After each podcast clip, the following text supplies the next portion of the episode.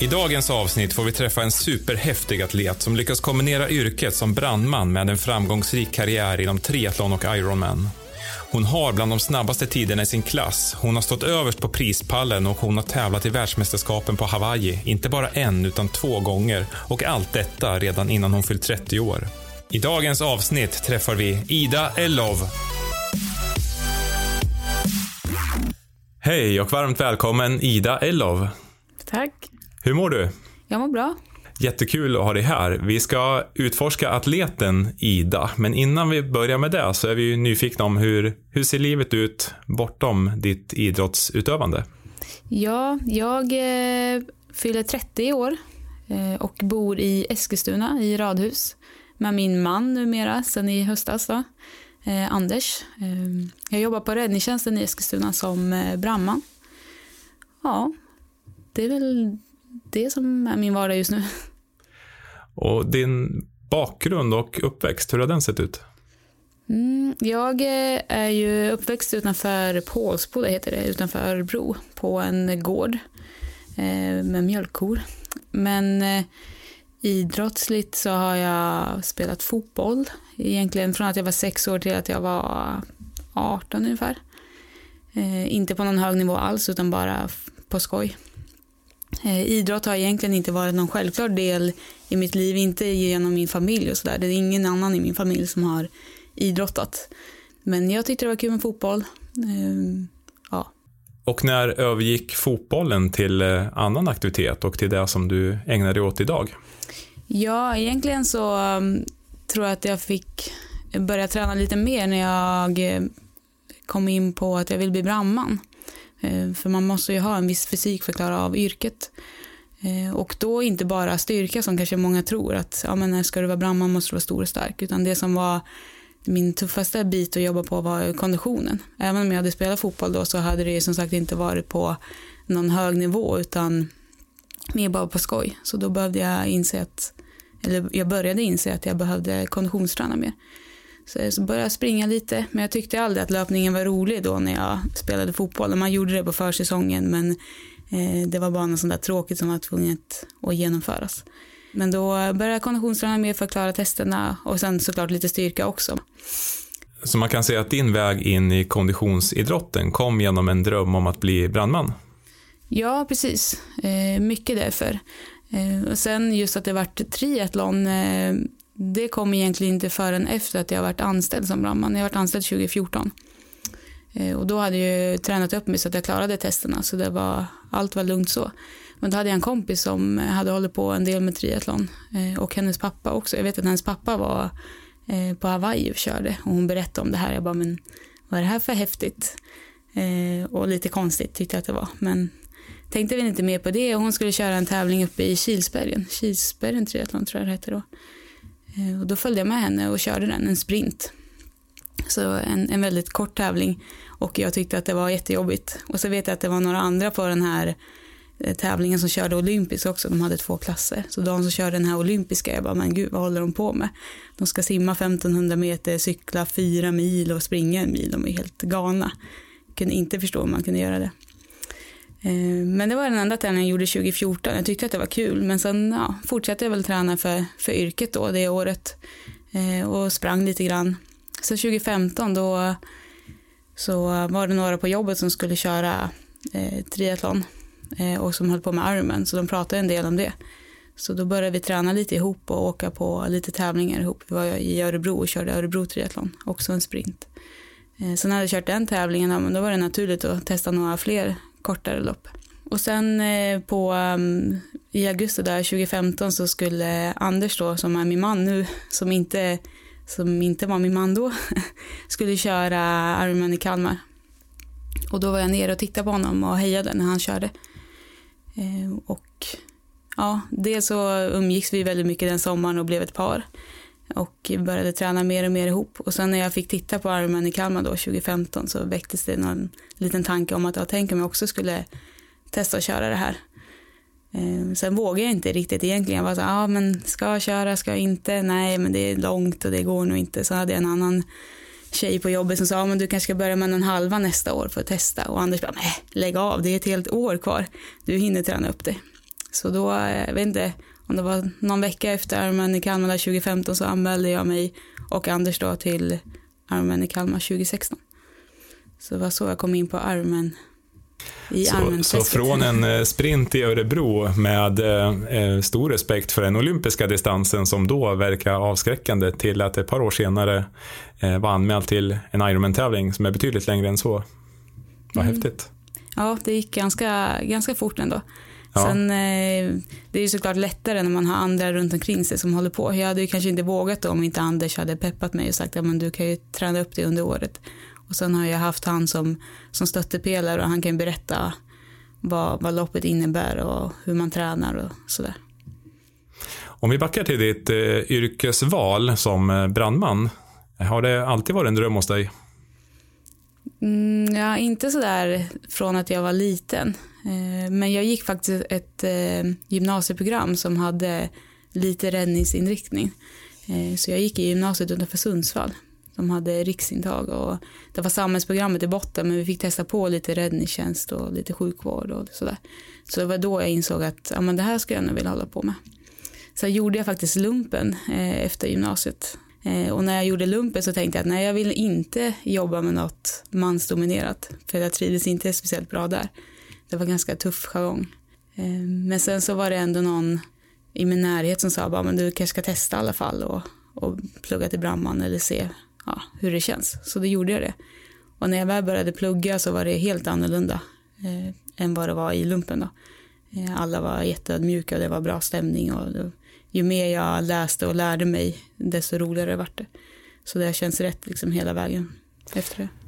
Hur ser könsfördelningen ut inom eh, räddningstjänsten idag, upplever du? Jag kan inte siffrorna i huvudet, men jag vet att vi i Eskilstuna i alla fall ligger ganska långt fram mot andra. Vi är faktiskt sex stycken nu heltidsanställda av kvinnliga brandmän. Av då ungefär, kan vi vara 45 stycken. Det du har berättat om nu eh, är ju ändå olika mansdominerade världar. Eh, vi pratar om räddningstjänsten och eh, du pratar om lumpen och senare också nu lite om Ironman som faktiskt också är en mansdominerad sport. Hur kommer det sig? Eh, oj, jag vet inte om det är så att jag liksom har sökt de här olika sakerna för att det är mansdominerat. Jag tror inte att det är har med det att göra egentligen. Men jag drivs väldigt mycket av saker som är utmanande och av äventyr. Och sen så har det väl bara blivit så att det är de som är mansdominerade också. Så drivkraften inne i de här bitarna, det har varit utmaningen, kan man säga så? Ja, men verkligen utmaningen. Sen så är jag inte brandman för, för utmaningen idag, utan det är ju för att det är varierande och sen också för teamkänslan. Och det var ju därför jag spelade fotboll som ung också. Det är för att jag gillade den teamkänslan som var då. Och det är lite samma sak inom yrket. Du var anmäld till eh, Ironman i Kalmar och vad hände efter det? Ja, det var ju 2016. Ehm, så då eh, körde jag den där efter att ha tränat under året. Jag och Anders tränade ju väldigt mycket tillsammans. Men vi hade inte hjälp av någon utan vi gjorde lite ja, som vi tyckte kändes bra. Eh, och det loppet gick väldigt bra. Jag körde på 11.30 där någonstans. Och eh, jag var lite förvånad över min tid. Jag hade ju, när jag anmälde mig hade jag såklart bara som mål att ta mig runt. Men ju närmare tävlingen jag kom eh, desto mer börjar man räkna på tider och så här. Jag är ändå väldigt prestationsinriktad. Svårt att sticka under stol med. Men som sagt, när jag började närma mig så var ja, man kanske under 12 timmar eller runt 12 timmar skulle vara görbart. När man började räkna på det. Så när jag körde på 11.30 tyckte jag att wow, det här gick ju hur bra som helst. Um, och efter den tävlingen var jag så här, jag måste nog få köra igen. För om det gick så här bra med den, alltså vi tränar ju men vi tränar inte extremt mycket inför. Så hur bra kan det bli om man tränar lite till? Det är ganska vanligt att man känner så. Ja, efter 2016 så anmälde mig jag och Anders till eh, 2017 igen. Och eh, Anders var inte jättepepp på att köra igen, men eh, eftersom jag var det så fick han gott hänga med. Så vi körde 2017 igen. Och den här gången eftersom jag kände att 2016 inte hade varit så jätte ehm, det hade inte varit så jättemycket seriös träning det året så ville vi ta lite hjälp. Så tog vi hjälp av Activitus och gjorde lite tester och fick, eh, ja vi köpte en 16 veckors träningsprogram ehm, så då följde vi det inför 2017. Och det gick ju också jättebra. Det gick jättebra, för ni kom tillbaka till eh, Ironman i Kalmar. Jag tror vi pausar den här berättelsen och eh, vi kommer naturligtvis att komma tillbaka till den, men vi ska gå över till vårt andra segment här i podden som är frågelådan.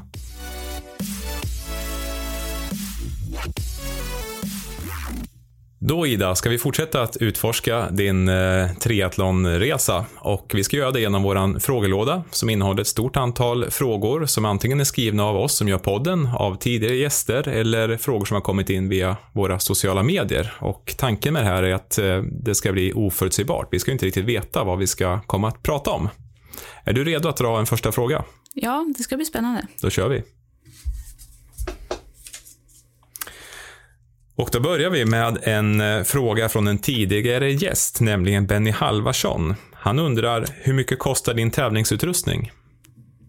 Oj, totalt sett, alltså med all utrustning. Mm, jag tror inte att den kostar så mycket mot vad den hade kunnat gjort, men eh, kanske runt 50 000 skulle jag tro. För cykeln är ju ganska dyr. Och våtdräkten är ju ändå några tusen och sen är det löparskor och dräkten och ja, runt 50 kanske. Är utrustningen viktig för dig? Ja, den är jätteviktig, men det är inte jätteviktigt att det är den nyaste, nyaste. Men den måste ju sitta bra och vara bekväm och också spara lite tid. Vi tar en ny fråga. Du är tvungen att välja A. Genomföra loppet på enbart vatten och kebab. B. Genomföra loppet utklädd till clown. C. Genomföra loppet helt utan publik och funktionärer. Vatten och kebab, är det bra energi? Tveksamt. kan bli ganska tungt i magen.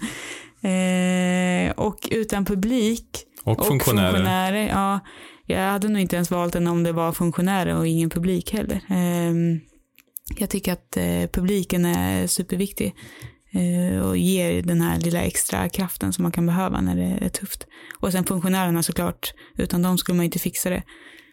Så då återstår clowndräkten? Ja, jag tror det. Är det så här clowndräkt med, med löshår eller peruk som man blir extra varm?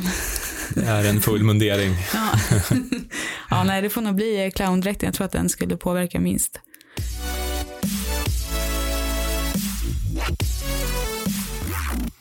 Rangordna följande. Diskhjul, elektroniska växlar, effektmätare. Ja, jag har ju diskhjul och jag har eh, effektmätare, men jag har inga elektroniska växlar. Så eh, effektmätaren måste ju komma först. För det är ett bra verktyg när man tränar också. Sen så använder jag inte det jättemycket på tävling. Det blir ofta att jag tittar på vatten och tänker att jag ska inte ligga över det här i alla fall. Sen så är jag inte jätteduktig på att följa det. Men lite för att bromsa mig så att det inte blir för hårt eh, när jag ska köra. Eh, diskhjul eh, skaffade jag faktiskt till eh, 2019, har inte haft innan. Och det gick ju väldigt bra 2019 när jag körde då i Kalmar. Eh, så det måste ändå få komma på andra plats. Och eftersom jag inte har elektroniska växlar får det komma på tredje. Man blir lite nyfiken på det här med effektmätaren och hur du arbetar med den i din träning. Kan du berätta lite? Ja, om jag ska köra intervaller så är det lättare att titta på effekten än kanske på puls eller på en känsla jag tittar på effektmätaren så vet jag hur hårt jag ska köra helt enkelt.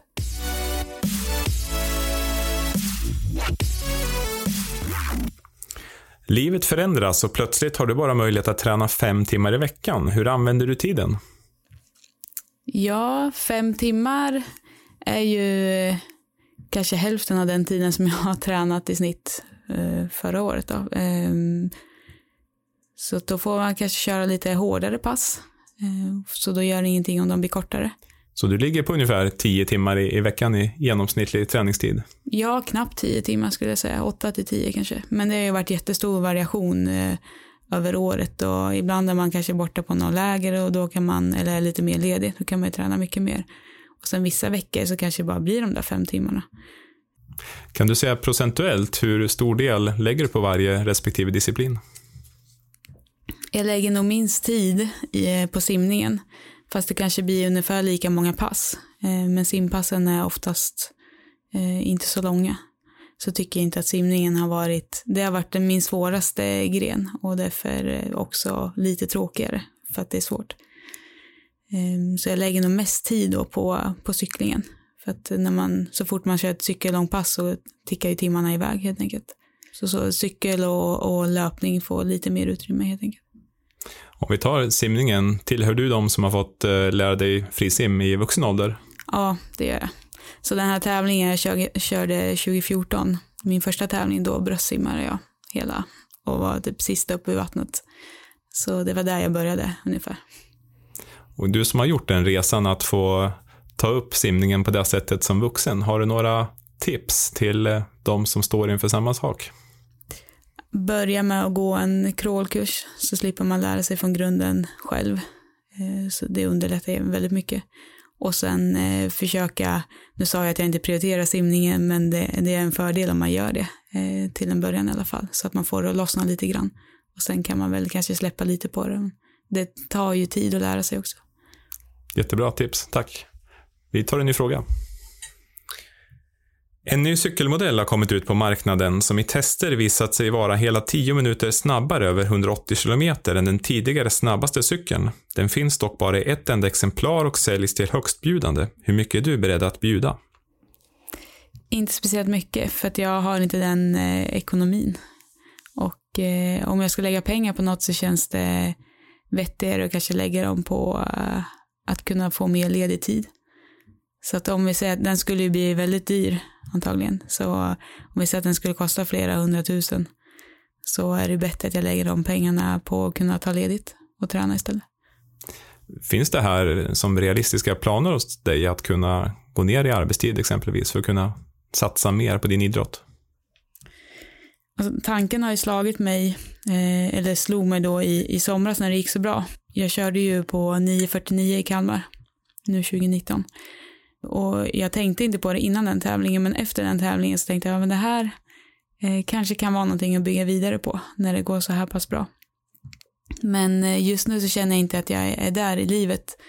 Eh, det är mycket annat som, som jag vill göra också. Och sen har jag faktiskt lite problem med migrän i perioder. Eh, och det är kanske dumt att drömma om att bli proffs och satsa mer på det. Eh, om jag samtidigt har perioder där jag mår ganska dåligt och inte kan träna så mycket som jag vill. Det blir ganska stressande. Men hade jag inte haft migränen och kanske om det hade varit två, tre år tidigare så hade jag nog satsat på det faktiskt. Och om vi pratar då att eh, ta upp din eh, triathlonsatsning ytterligare en nivå till eh, att tävla som proffs, vad tror du skulle krävas av dig eh, i jämförelse med hur livet ser ut idag? Ja, men det skulle kräva mycket mer tid och, och fokus än vad det har gjort. Eh, och det är därför det hade varit kanske en förutsättning att kunna gå ner i tid. Eh, jag jobbar ju som brandman så jag jobbar ju skift, eh, vilket gör att jag får mycket tid. Eh, eftersom vi jobbar eh, 24 timmar i sträck ibland och sådär så får man ju mycket mer luft i schemat. Samtidigt så har vi ju nätter när vi är ute på larm. Eh, inte alla nätter men ibland. Och då blir man ganska sliten av det. Att jobba natt är ju slitsamt. Så man skulle behöva ta bort lite av de nätterna också. Kan man säga hur slitsamt brandmansyrket är och hur pass det påverkar din eh, satsning på triathlon? Egentligen är det nog mer fördel än, nackdel att jobba som brandman. Eh, vi har ju faktiskt eh, träningstid eh, på arbetstid, vilket är en stor fördel. Sen så är det inte alla gånger som jag kan träna triathlon när vi har våran fystid, utan eh, ibland får jag spela lite innebandy och vara med på lagfys och sådär. Den sociala biten är ju väldigt viktig att få vara med i teamet.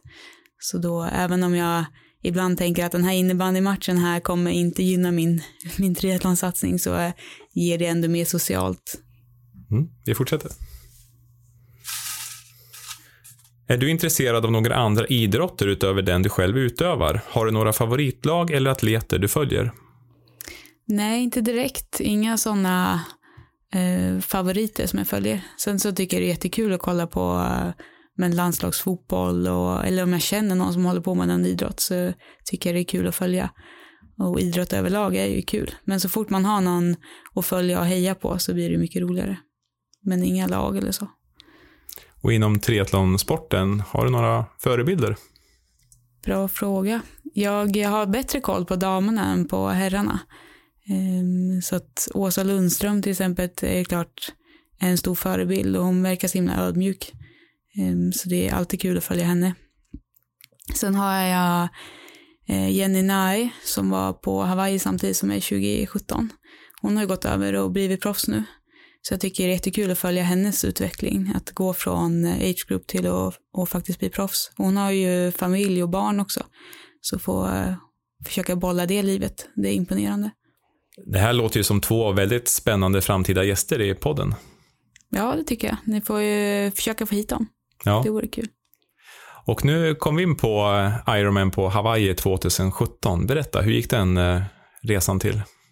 Ja, 2017 var ju min eh, andra Ironman och också det året eh, där jag satsade lite mer. Eh, tog lite hjälp, gjorde eh, fystester med Activitus och hade ett träningsprogram som jag följde. Det var ingen personlig återkoppling så på programmet men jag hade ändå eh, pass som jag skulle köra då. Men jag fick välja lite själv när och, och hur jag skulle genomföra dem då. Så det gick väldigt bra i Kalmar 2017. Jag körde på 10.35 och lyckades faktiskt eh, kvala till Hawaii. Det var inte min plan och eh, jag trodde inte att det skulle vara möjligt överhuvudtaget. Jag ska säga att jag hade lite flyt. Jag kom fyra i min eh, age group då och fick platsen på ja, det som de kallar för roll down. Det var några som tackade nej helt enkelt och då fick jag en plats. Så det blev det att jag och eh, Anders åkte till Hawaii. Han tävlade inte, han fick följa med som support helt enkelt. Eh, och det är ju bara åtta veckor eh, ungefär emellan eh, Ironman i Kalmar och Hawaii. Så det är ganska svårt att, att ladda om där. Och jag hade inte alls räknat med, med att få kvala. Men jag vågade inte heller tacka nej för jag visste inte att jag kommer, kommer kanske aldrig mer få den här chansen. Så det är bäst att, att passa på att åka helt enkelt. Så vi åkte till Hawaii och jag genomförde det loppet eh, och det gick väl sådär. Eh, dels så var det svårt att, att ladda om och sen är det en tuff tävling med värmen och en helt annan bana än den i Kalmar. Eh, blåsigt var det också. Och jag tyckte att det tuffaste var nog cyklingen och motivationen på cykeln. Jag ville bara att det skulle vara över, det var tufft. Jag tror att det egentligen var värmen som påverkade mig mer än vad jag insåg då. Men jag kom i mål på strax under 12 timmar och var jätteglad och nöjd. Så sa jag när jag var i målområdet att jag ska aldrig, aldrig mer göra en Ironman. Och sen några veckor senare så var vi anmälda till nästa. vi glömde det snabbt. Ja, så du, du lyckas 2017 att eh, både kvala till Ironman på Hawaii och du genomför det här loppet. Och trots att du efter målgång sa att det här gör jag aldrig mer så tog det inte lång tid innan du var anmäld på nytt till en ny Ironman-tävling. Nej, precis. Jag eh, höll ju inte mitt ord där, inte alls. Och eh, det var väl mycket tack vare några kompisar som jag har som eh, hade börjat kika på Ironman i Sydafrika eh, som går på vårkanten. Eh, de skulle åka iväg på den och fråga om vi ville hänga med. Eh, och det här var ju bara några veckor efter eh, Ironman på Hawaii. Så vi vart sugna på en, en resa till Sydafrika så vi tänkte att varför inte, vi, vi hänger med och kör den också. så här i efterhand så kanske det inte var det, var det smartaste. Eh, det var ju tufft som det var att ladda om till Ironman på Hawaii. Ganska svårt med, med det mentala. Och eh, ladda om ännu en gång till en tävling som då var i april där, 2018 visade sig också bli ganska tufft. Vi åkte till Sydafrika och körde den tävlingen, men eh, utan att ha några eh, högt satta mål. Just för att det var svårt att hinna få in någon vettig träning däremellan och ja, målet i Sydafrika var ju att försöka ha kul och bara komma runt helt enkelt. Men det som händer när man har det som mål är att motivationen blir inte lika hög heller, varken till träningen eller under själva loppet.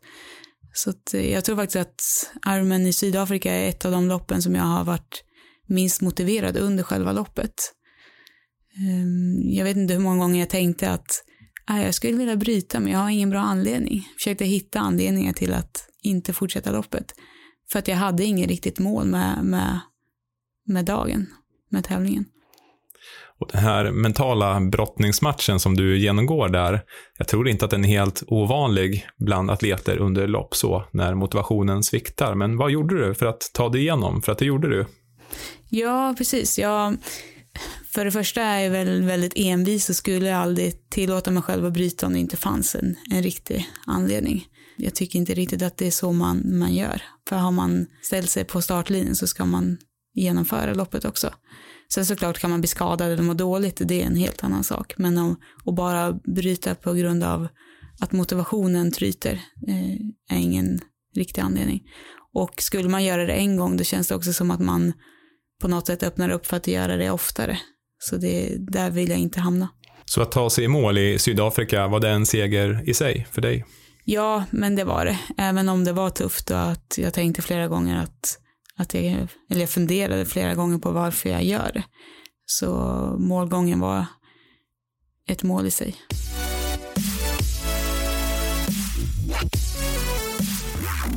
Okej Ida, då är det dags för tävling här i podden och vi ska genomföra Sveriges snabbaste atlet, ett reaktionstest. Och i ditt knä har du en eh, skärm och när skärmen övergår i grön så ska du så snabbt som möjligt reagera och trycka på skärmen.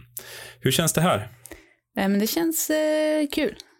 Just nu har vi Carl-Johan Danielsson i ledning med 179 millisekunder. Hur eh, tror du om dina chanser att slå Carl-Johan? Ja, jag vet inte. Det är ju riktigt snabbt. Men jag ska göra ett, ett bra försök. Vi kör igång så får vi se. Och vi ska se att du har tre försök på dig. Och eh, här kommer det första försöket. Och vi har 271 millisekunder. Vi fortsätter med ett andra försök. Och i andra försöket har vi 219 millisekunder och det är faktiskt exakt samma tid som Benny Halvarsson i avsnitt 4. Vi har det tredje och sista försöket kvar. Varsågod. Och där har vi 278 millisekunder. Vi har en delad andra plats just nu. Stort grattis Ida. Ja, men tack.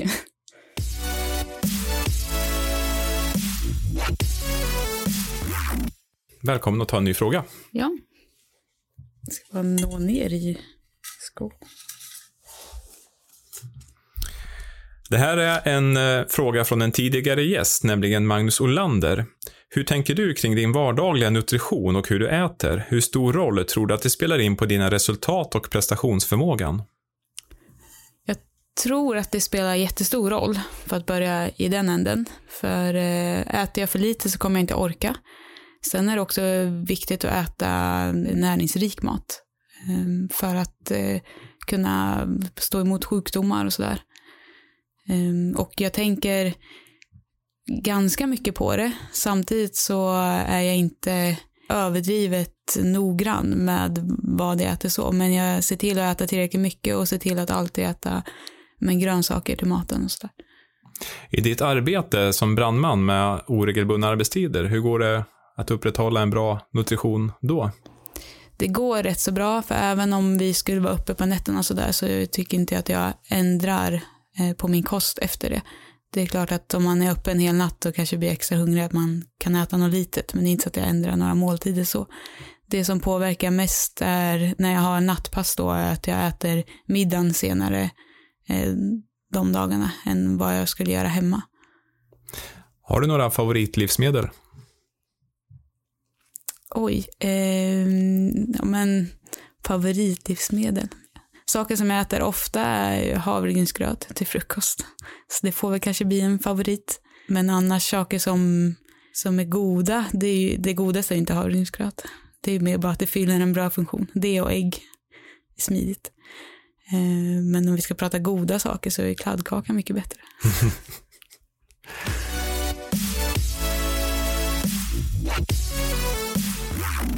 Om din idrott aldrig hade funnits, vad hade du då gjort idag? Oj, jag hade kanske bara hållit på med löpning. Är löpningen favoriten av de här tre grenarna i triathlon? Ja, för att det var lite löpningen som, eh, som det också började med. Ehm, för då de här första åren när jag körde de här triathlonloppen så sprang jag också en del. Och det var lite via löpningen som jag insåg att jag eh, var ganska duktig. Så det har ju varit favoriten. Sen har ju cyklingen eh, börjat komma ikapp för att jag blivit bättre och bättre på det med. Men löpningen kommer alltid eh, ligga närmast till hands. Det är lätt att bara sticka ut och springa. Mm, vi fortsätter. Vad gör dig orimligt arg? Eh, orättvisa tror jag. Eh, om någon eh, behandlar någon orättvist. Eh, sen blir jag också orimligt arg på folk som skräpar ner. Typ om jag är ute och åker bil och ser skräp i vägkanten så kan jag bara börja fundera på varför har man slängt de här sakerna här. Så kan jag göra mig jättearg. Det är så onödigt. I idrottssammanhang eh, och eh, orättvisor, finns det någonting där som, som du kan reagera över? Ja, men om någon skulle fuska, till exempel på en armantävling när man inte får eh, drafta då, eller ligga efter varandra på cyklingen. Om jag ser några som gör det helt uppenbart eller om det kommer klungor så blir jag ju arg på det. Samtidigt så får man ju släppa det för att det, eh, man ska inte lägga för mycket energi på det. Jag måste ju fokusera på vad jag själv kan göra. Men jag reagerar ju på det och blir arg i alla fall i stunden, men sen släpper det. I ditt yrke som brandman, finns det situationer där man kan bli orimligt arg? Jag skulle inte säga kanske orimligt arg, men det är klart att man, man kan bli arg. Ehm, sen måste man ju försöka tänka på hur man beter sig. Eh, så inte bli arg på alla eh, eller på någon i stunden så. Men eh, jag kan bli arg på hur folk beter sig och, och saker som de gör. Till exempel om de skulle tända eld på någonting med flit helt enkelt. Eller om någon eh, larmar ut oss fast det är falskt. Och det är klart att det föder en, en viss ilska. Att eh, folk inte förstår vad, vad det kan få för konsekvenser.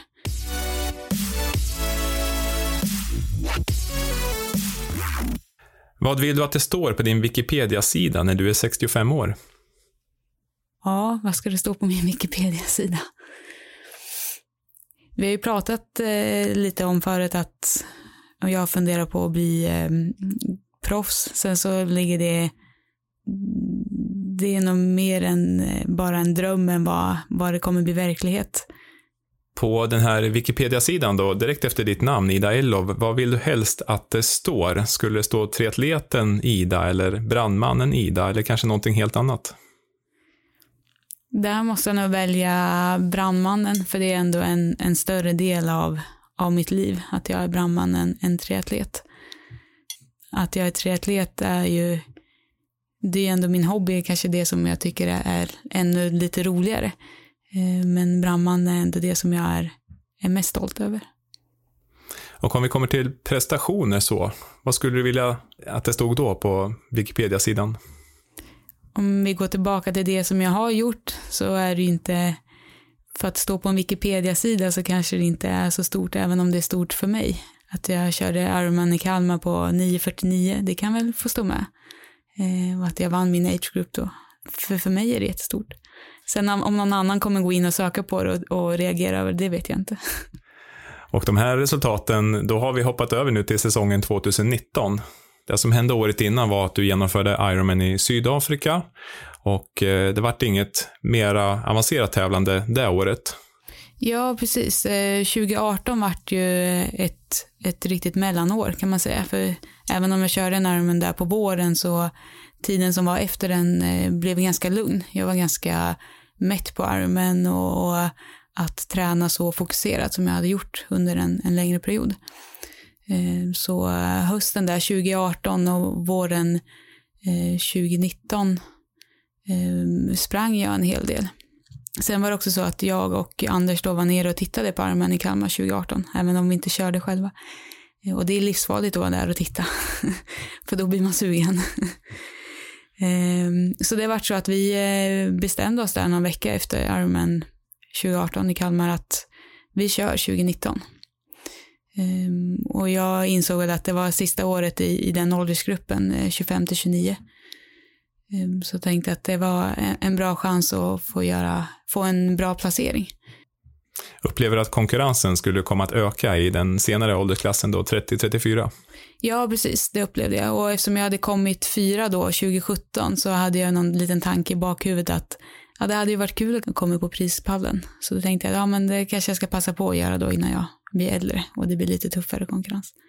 Och eh, för att jag skulle ge mig själv eh, riktigt bra förutsättningar så valde jag också att ta hjälp av en coach, eh, Camilla Lindholm. Så då eh, kontaktade jag henne där hösten 2018 och eh, fick hjälp av henne hela vägen fram till Kalmar. Då.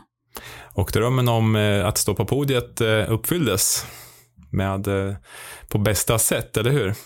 Ja, det gjorde det verkligen. Ehm, både jag och Anders hade under våren där satt upp våra, våra tidsmål på en tavla. Och vi pratade ganska mycket om vad vi hade för mål med, med tävlingen och vad vi ville. Eh, så dels så hade jag ett, ett tidsmål på att försöka köra på 10-15. Eh, och sen hade jag också det här lilla fröet i bakhuvudet att ja, jag skulle vilja komma på podiet och kanske allra helst då vinna, men det är så svårt att säga eh, innan eller önska vilken placering man ska få, för det beror ju helt på vilka som är med också såklart och det kan man ju inte påverka. Man kan ju bara påverka sin egna prestation. Eh, men i alla fall den här 10-15, eh, den texten på den här tavlan har vi tittat på under hela året och verkligen försökt att pränta in. Samtidigt så tänkte jag att det var ett, ett riktigt tufft mål. Jag bara, hur ska det här gå? Det, det är jättesnabbt. Eh, och jag hade ju kört på 10.35 då innan och då tyckte jag att jag hade gjort det eh, superbra då 2017. Så bara, hur ska jag kunna toppa det? Men ja, träningen flöt ju på ganska bra och jag klarade ju av att, att slå tiden med råge den här 10-15 tiden också. Så det varit en seger i dubbel bemärkelse, eh, både för dig personligen i och med ett tidsrekord och en eh, toppplacering, eh, men också för er som par, för det gick väldigt bra för Anders också. Ja, precis. Han eh, hade också satt höga, höga tidsmål. Eh, och sen hade han en liten, liten eh, tanke på att om det går riktigt bra så kan han få chans att kvala till Hawaii. Men jag, när han nämnde det första gången där på våren så tänkte jag faktiskt att det här är riktigt tufft, det kommer nog inte riktigt gå. Jag tror att han trodde på det mer än vad jag trodde på, tyvärr. Jag var inte så stöttande där, men jag var mer realist. Eh, men det gick ju riktigt bra för honom också när han körde och han fick ju sin plats då på, på rolldown. Eh, så jättekul. Så han kvalade till Hawaii och då när jag hade vunnit min age group så fick jag också en plats till Hawaii då. Eh, så då valde vi att åka båda två och tävla där. Och om vi går tillbaka då till tennishallen i Kalmar. Den här ceremonin är avslutad och du och eh, Anders står med varsin Hawaii-biljett i handen. Kan du beskriva känslan? Ja, det var Eh, glädje och lite lättnad för att det var väldigt nervöst inför. Eh, som sagt, jag visste ju att jag hade platsen eftersom jag hade vunnit min age group, men han, eh, han var tvungen att förlita sig på rolldown, att några tackade nej helt enkelt. Och det som gör det lite mer spännande eller svårt var ju att damerna blir alltid ropade, eller uppropade först då, eh, om man ska tacka ja eller inte. Man måste ju vara där och säga ja direkt. Eh, eftersom vi inte visste helt säkert att Anders skulle få en plats så var jag tvungen att chansa lite och säga ja.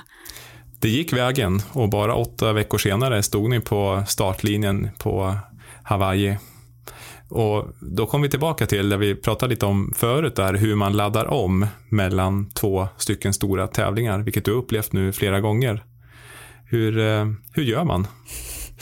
Ja, jag vet inte om jag har ett bra svar på det, för att jag vet inte om jag har lyckats så bra de gångerna jag har, har försökt. Eh, det är svårt. Dels så måste man och tillåta sig själv att vila lite först efter den här eh, första tävlingen som har varit. Och sen börja trappa upp eh, träningen igen. Eh, och även om kroppen då är med på tåget så är det ju mycket mentalt som spelar in också. Och jag tror att det är det som har varit svårast för mig, att få med, få med huvudet och ladda om igen. Eh, för de två gångerna jag har kört i Kalmar som har gått så här himla bra, det har varit också en, en riktigt urladdning. Och då har det varit rätt så svårt att, att tagga till en gång till. Så jag har ingen bra svar på hur. Mer än att du har tvingats till det. Ja, precis. Men att man, ja, som sagt, ger sig själv eh, lite tid för vila först och sen att man börjar trappa upp igen. Och sen har man ju egentligen en rätt bra grund. Man tappar ju inte den på några veckor när man har tävlat och sen vilat. Utan det handlar om att komma tillbaka. Vill du berätta lite om eh, Ironman Hawaii 2019? Hur var din upplevelse? Min upplevelse 2019 på Hawaii var något bättre än, eh, än 2017. Och det har nog mycket med att göra att jag var mer förberedd på vad som skulle komma.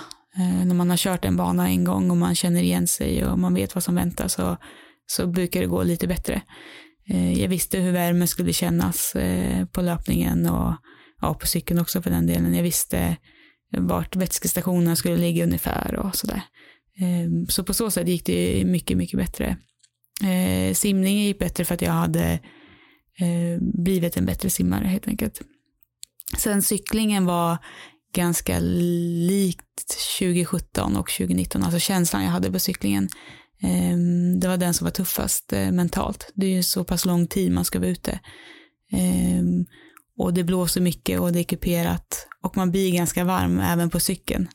Även om man kanske inte tror det när man är van vid förhållanden som är i Sverige. Men det är så pass varmt där och solen steker på. Eh, så varje gång jag hade passerat en vätskestation och fått vatten över mig så kände jag, att men det här går ganska bra, jag är taggad. Och sen bara några minuter senare när det här, den svalkande känslan hade lossnat så började man bli lite matt igen. Så så höll det på hela cyklingen. Sen när jag började springa så tänkte jag att eftersom jag hade känt mig så matt och lite omotiverad på cyklingen så tänkte jag, ja, löpningen får bli som det blir. Jag ska i alla fall ta mig i mål. Jag, jag kan öppna lite försiktigt då, eh, tänkte jag. Jag är inte så duktig på att ta det försiktigt, men nu tvingar jag mig själv att ta det lite lugnt. Och jag tror att det var bra, för det gjorde att, att jag kände mig ändå lite stark när jag började springa. Så där vände det någonstans. Eh, så löpningen gick faktiskt över förväntan. Och jag kunde springa hela vägen. Det hade jag inte gjort 2017. Då gick jag en hel del faktiskt. Men nu eh, 2019 så sprang jag hela vägen. Så det var skönt. Mycket is gick det åt i varje vätskestation. Stoppa is överallt. Och när du kommer i mål, vad, eh, vad stod klockan på då? Ja, den stod ju på 11.01 någonting. Ja, och det här var en förbättring jämfört med 2017? Ja, precis. 2017 eh, hade jag 11.57 så att det var en, en bra förbättring. Sen så är det lite surt att inte komma under 11 då, när jag väl visste vad, vad klockan stannar på. Eh, jag har lite svårt för att titta på klockan eller veta exakt vad jag har för sluttid. Jag har inte haft koll på det på någon av mina Ironman-tävlingar. Eh, utan jag, jag vet ju på ett ungefär eh, hur jag ligger till, men jag har inte velat sett, för jag vill inte påverka mig eh, negativt ifall det är en dålig tid eller att jag känner att, att jag är långt ifrån kanske min måltid eller sådär så vill jag inte veta det riktigt under själva loppet. Eh, vilket kanske är lite synd för hade jag sett klockan så hade jag kanske kunnat öka lite lite för att komma in under 11 då, men ja, det är som det är. Kan du säga vilken av de här eh, tävlingarna 2019 som var din största prestation? Var det kvalet i Kalmar eller var det världsmästerskapen på Hawaii? Eh, jag måste säga att det var kvalet i Kalmar eh, för att det gick så pass bra. Eh, alla, alla grenar gick bra och hela dagen var riktigt bra och det var roligt också. Det var kul på Hawaii med men det blir mer en plåga där. För det är mycket tuffare också. Sen är jag ju stolt över att komma dit och köra den igen men samtidigt var det andra gången som jag körde där så första gången var nog också lite större. Allting var nytt och det var häftigt. Nu har du två stycken världsmästerskap på ditt eh, CV innan 30 fyllda. Eh, finns det planer på ytterligare mästerskap på Hawaii? Ja, jag och Anders pratade lite om det här när vi var på Hawaii efter tävlingen och innan så hade vi väl sagt att vi, det här kanske var sista gången då, men sen när vi hade kört det så var ja men om vi ska hit igen eller när vi ska hit igen började det nästan bli eh, så ska vi i alla fall förbereda, förbereda oss lite bättre eller kanske kvala tidigare så man har chans att, att göra ett bättre lopp. Eh, men det är ingenting som ligger nu i närtid utan det får bli längre fram. Ibland glömmer man ju bort att, som du säger, jag är, fyller 30 år, jag är inte så gammal, i alla fall inte inom triathlonvärlden. Och eh, man kommer förhoppningsvis, om man mår bra och allt, kroppen är hela, ha många år kvar. Så man kanske kan ta det om fem eller tio år i så fall.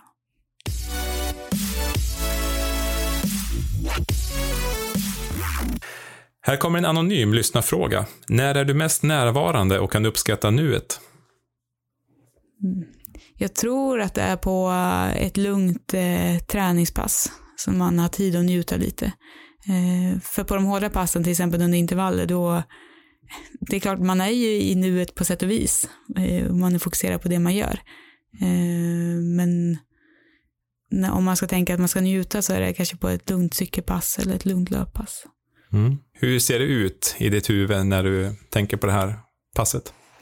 Eh, då har man tid att tänka på vad som är runt omkring. Om man är ute och cyklar och man cyklar förbi någonting som ser fint ut, en sjö eller eh, liknande. Att man hinner liksom reflektera över det och ta in det. När på året är vi? Eh, på sommaren.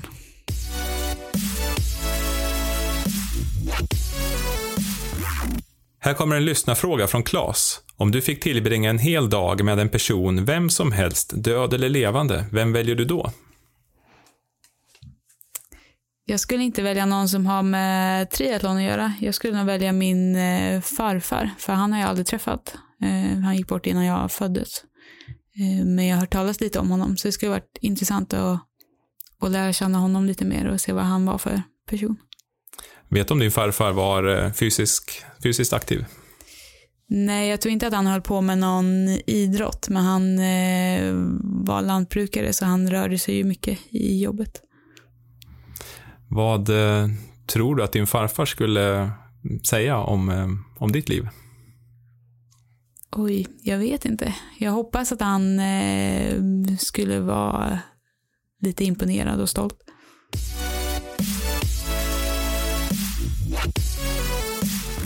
Nu är det dags för dig Ida att hjälpa oss fylla ut frågelådan med en egen fråga till en framtida gäst. Hur låter den?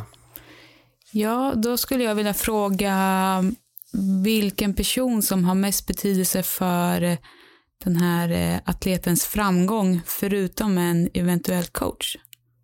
Jättebra fråga. Och ditt svar på din, din egen fråga, hur låter det? Ja, där måste jag svara Anders då, eh, min man. Han eh, är ju den som har fått mig att börja med triathlon lite mer seriöst och sen tränar vi mycket ihop och han stöttar mig både med träningen och, och livet i stort.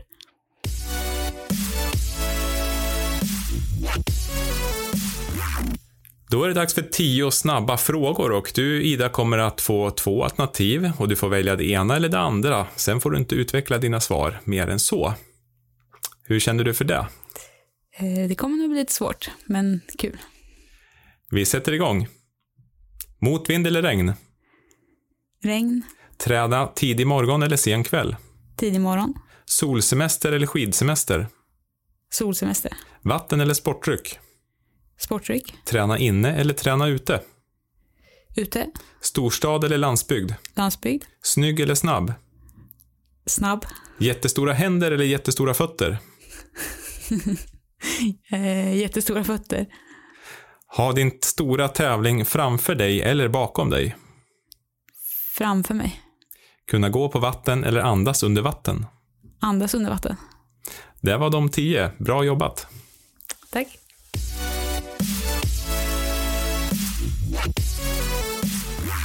Okej Ida, vi har börjat komma till slutet av den här podden, men vi är ju jättenyfikna på hur ser din framtid ut?